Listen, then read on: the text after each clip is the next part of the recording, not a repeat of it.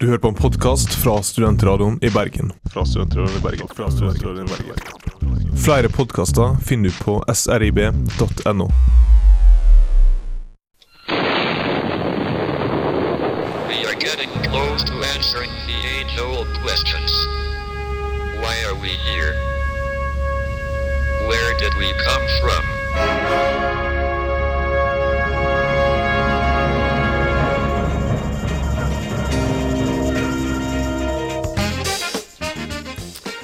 God formiddag, Bergen, og velkommen til Soft Science, det populærvitenskapelige programmet i Studentradioen i Bergen.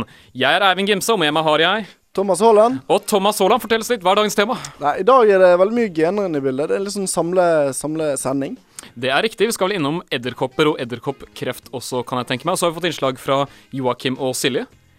Er det gammelt gjenhør man må kalle det da, eller? Ja, det er vel det. Vi tar en sånn fra arkivet, og så hører vi litt på det. og Det er ganske spennende. Det er DNA det er snakk om her, og det blir veldig bra. Dykk i arkivet, altså. Eh, så Sånn sett blir det en fullspekket sending, men først kan vi høre på litt musikk. Vi skal høre Goldfields med Treehouse.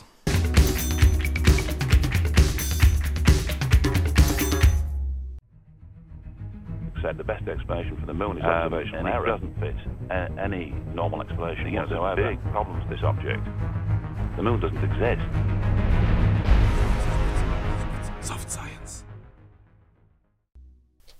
Du hørte Goldfields med Treehouse, en relativt nostalgisk, eh, melankolsk låt, synes jeg. Eh, og hva er det vi hører på, eh, Thomas? Eh, og nå hører vi på eh, Studentradioen i Bergen med programmet Soft Science. Og det er imponerende, det er helt riktig. Og eh, vi skal nå over i sensasjonsspalten, og da kan du få æren av å sparke av i dag, tenker jeg. Hva er det du har? I dag har jeg en uh, liten edderkoppsak. Uh, for det viser seg at, en, at man får en varig hjerneendring hvis man har en sånn skrekkterapi. Og da har man tatt et sånt forsøk med edderkopper spesielt. Og det er sånn 7% av befolkningen som har, sånn, har en sånn lammende frykt for edderkopper.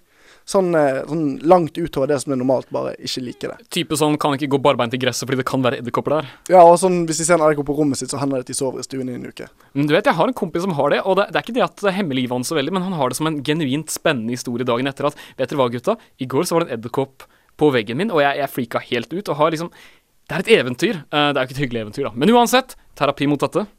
Uh, terapien uh, går ut på at uh, der, Vi begynte først med å først vise bilder av edderkopper. Og så undersøkte de hjernen hvordan, eh, hvordan det ble.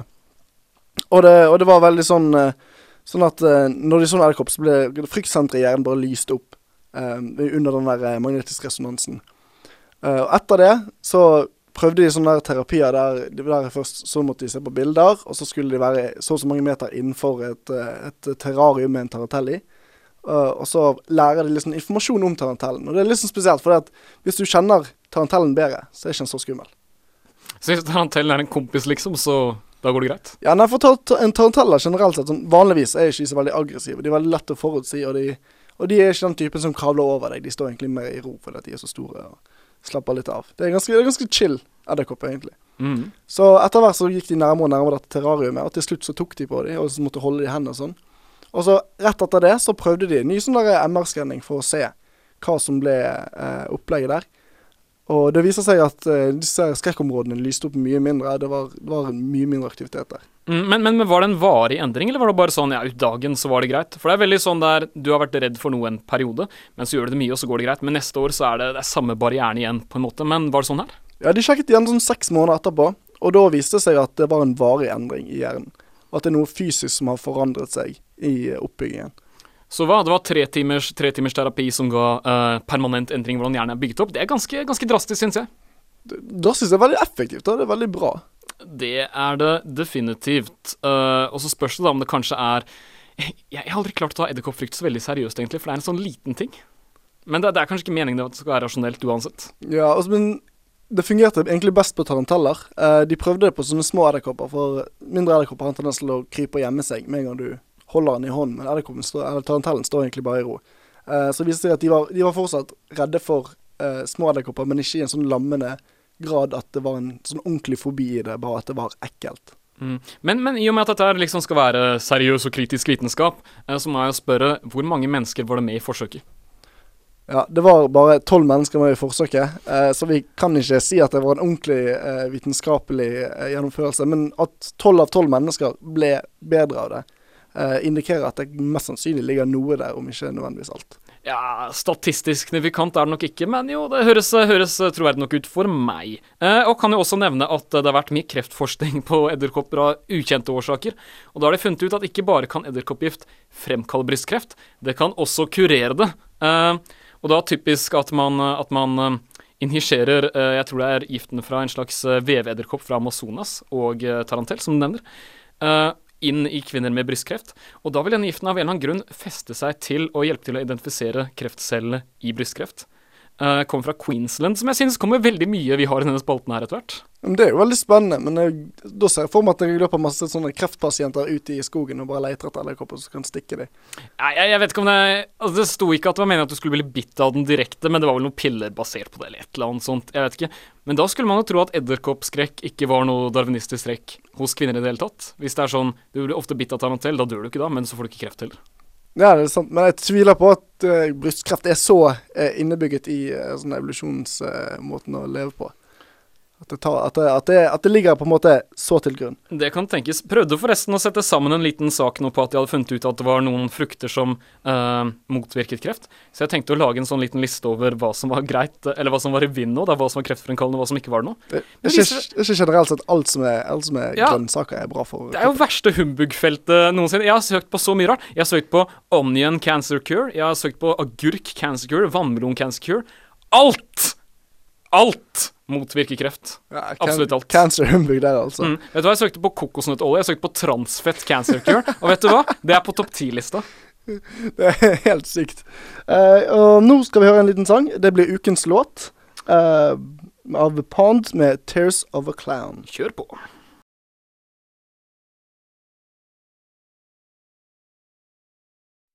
I trust the conservation of mechanical energy for 100%. Du hører på Soft Science på Studentradioen i Bergen.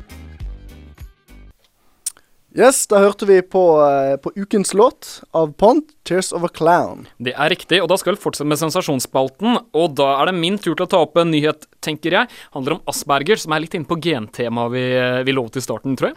Ja, det, det innebærer jo, eh, jo eh, Aspergers er jo for så vidt en sånn, eh, sånn eh, skade i frontalpannelappene.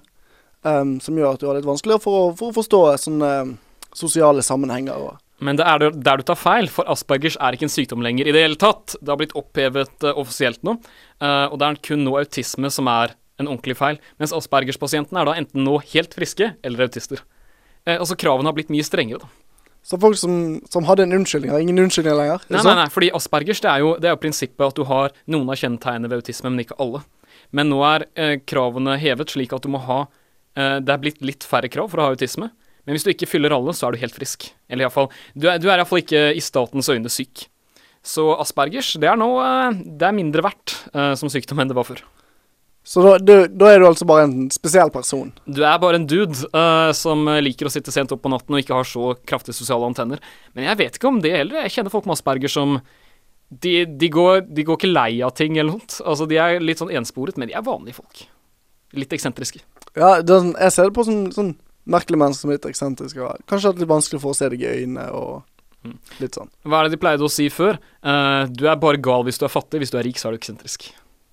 Ja, alle, alle, alle med Aspergers er rike, er det det vi sier? Uh, det er det vi lærer på NHO, tydeligvis. Men uansett, uh, jeg syns iallfall det var fascinerende. Uh, og det, jeg syns også det er, det er greit, egentlig, for det virker som at de har, det har gått litt inflasjon i, i diagnoser på det mentale planet, syns jeg. Eh, men eh, nå så mener de da at da vil det stabilisere seg på jeg tror 7% med sinnssykdom, og resten vil være friske. Det vil ikke være noe mer økning, påstår de, etter den endringen. Eh, og utover det så har du kanskje noe, du òg? Ja, jeg har jo denne saken her som handler om hvordan vi har lagd et kunstig arvemateriale. XNA, for vi har jo DNA, som er vårt eget arvemateriale. Uh, og så bruker vi XNA for å, for å liksom kurere sykdom og sånn, og det er en veldig interessant del. Men det er litt, litt lite, en liten sak der.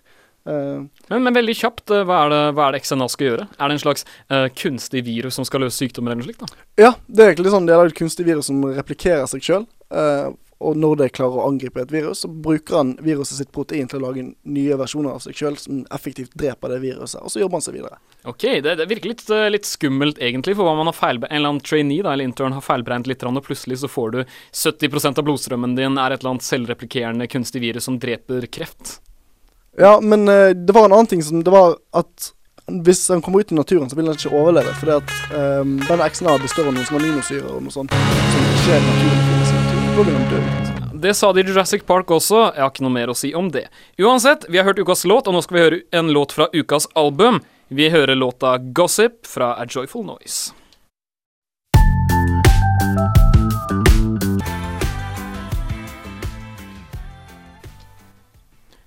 Du hørte Gossip, Joyful Noise, i Studentradioen i Bergen. Programmet er Soft Science. Og nå er det på tide med innslag, så vidt jeg har skjønt? Ja, det er et DNA-innslag vi har dratt opp av eh, arkivets mørke hule. Ja, og det er vel særdeles relevant til det vi har pratet om i dag også. Det er eh, DNA-tema. Eh, og noe mer er det vel ikke å si. Det forklarer seg selv utover, tenker jeg. Ja, det stemmer det, og nå kommer den.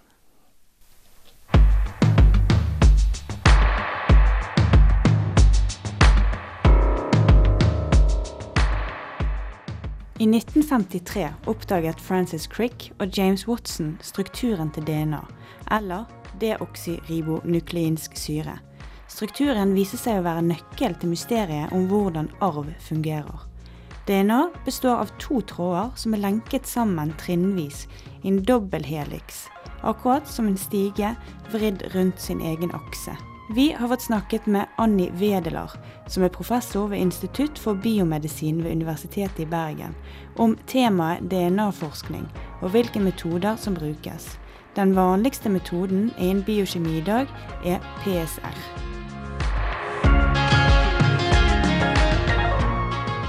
Disse fragmentene som man har fått opp ved hjelp av PCR, polymerase chain reaction, får man ha amplifisert fragmentene det er for at man skal kunne se det på gel ved å tilsette spesifikke stoffer som interkalerer, dvs. Si går mellom DNA eh, når du kjører det på en gel. Og siden DNA er negativt ladet pga. fosfatgruppen, så går den nedover i et elektrisk felt mot den positive polen. Og så har man laget en gel som er et nettverk, og der er det slik at de minste møter minst motstand, og de går raskest ned mot den positive polen og vil da gå lengst ned i gelen, mens de største blir holdt igjen. Så mønsteret det vil da innordne seg etter lengde på disse fragmentene, og så kan man ha spesifikke standarder ved siden av, så man kan si nøyaktig lengde på disse fragmentene.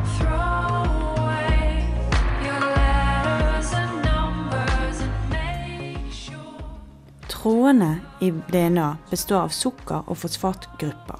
Treene består av fire forskjellige nukleotider, kjent som A, T, G og C.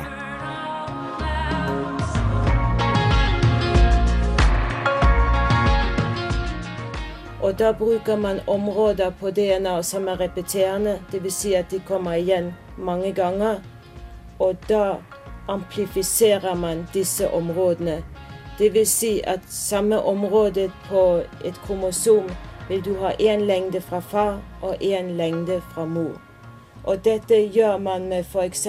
fire til fem markører, og så skiller man disse PCR-fragmentene på gel ved hjelp av elektroforese. Og der går da eh, fragmentene etter størrelse i denne gelen, og man får et spesifikt mønster for hvert individ.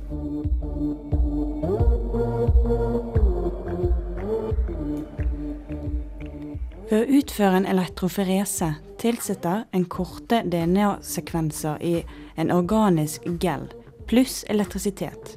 DNA er negativt ladet og beveger seg mot positiv pol. Den sorterer seg selv etter størrelse og ender opp med et skjema hvor du kan sammenligne DNA-sekvenser. Dette er en metode som er veldig nøyaktig.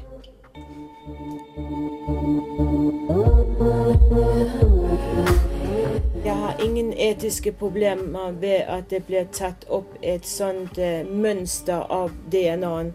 For det er ikke områder av DNA som eh, koder for noen, noen gener som koder for proteiner, slik at du vil ikke ha for en, det minste informasjon om f.eks. genetiske mutasjoner som du kan ha i et gen, og dermed som kan gi opphav til eh, sykdom. Det som kan være en betenkning, det er hvis det, der hvor prøvene er tatt fra, blir lagret slik at andre kan få tilgang til det. For da kan man gjøre disse andre eh, PCR-metodene, og da kan man sekvensere DNA og finne ut av hvilke mutasjoner som måtte være. Selve teknikken er godt kjent, men vi kjører jo ikke denne, så vi, vi vet ikke hvordan de lagrer prøver. og vi vet ikke, Men jeg går ut ifra at det er strenge regler for hvordan disse skal lagres. og at den debatten med det, den laben i Tromsø, den går vel på om det er klarert hvordan prøvene blir lagret. For det er jo det som er problemet, egentlig. Hva, hva skjer med de? Blir de destruert, eller blir de gjemt? DNA-et ditt er helt unikt. Med mindre du har en identisk tvilling, er det bare du som har ditt DNA. Dette kan brukes f.eks. når politiet skal identifisere en gjerningsmann, eller ved slektskapstester.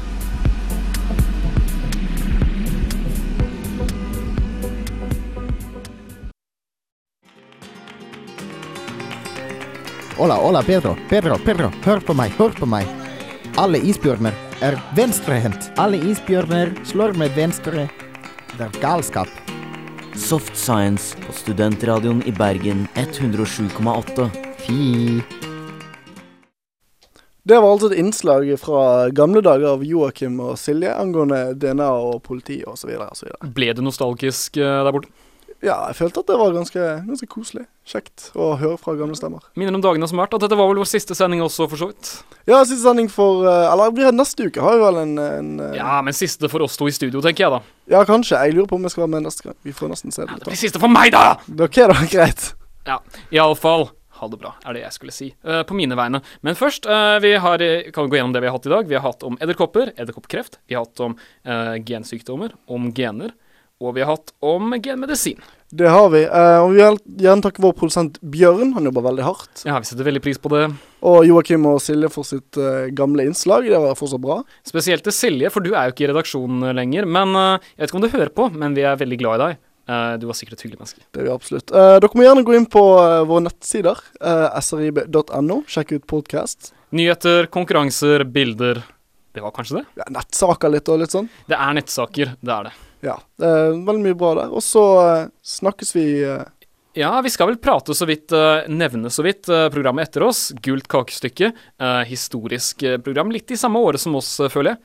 Profffolk, er det ikke? Jo, de er veldig flinke. Absolutt. Eh, og nå har vi en sang eh, rett på slutten. En liten uh, trudelutt. Det er riktig. The Knox med Make It Better. Men før vi hører på det, kan vi jo si ha det bra. Du har hørt på Soft Science i Studentradioen i Bergen. Vi går hver onsdag klokken tolv, eh, men ikke i ferien, så det er vel nest siste sending, eh, tenker jeg. Ja, jeg tror det blir sånn eh, Det blir noen repriseinnslag i, i ferien, så du kan alltid høre på noe. Det er sikkert noe du ikke har fått med deg fra før av. Kan godt tenkes. Uansett, kan si ha det bra på vegne av meg selv, Eivind Gimse og Thomas Haaland. Ha en nydelig sommerferie. Ha det bra.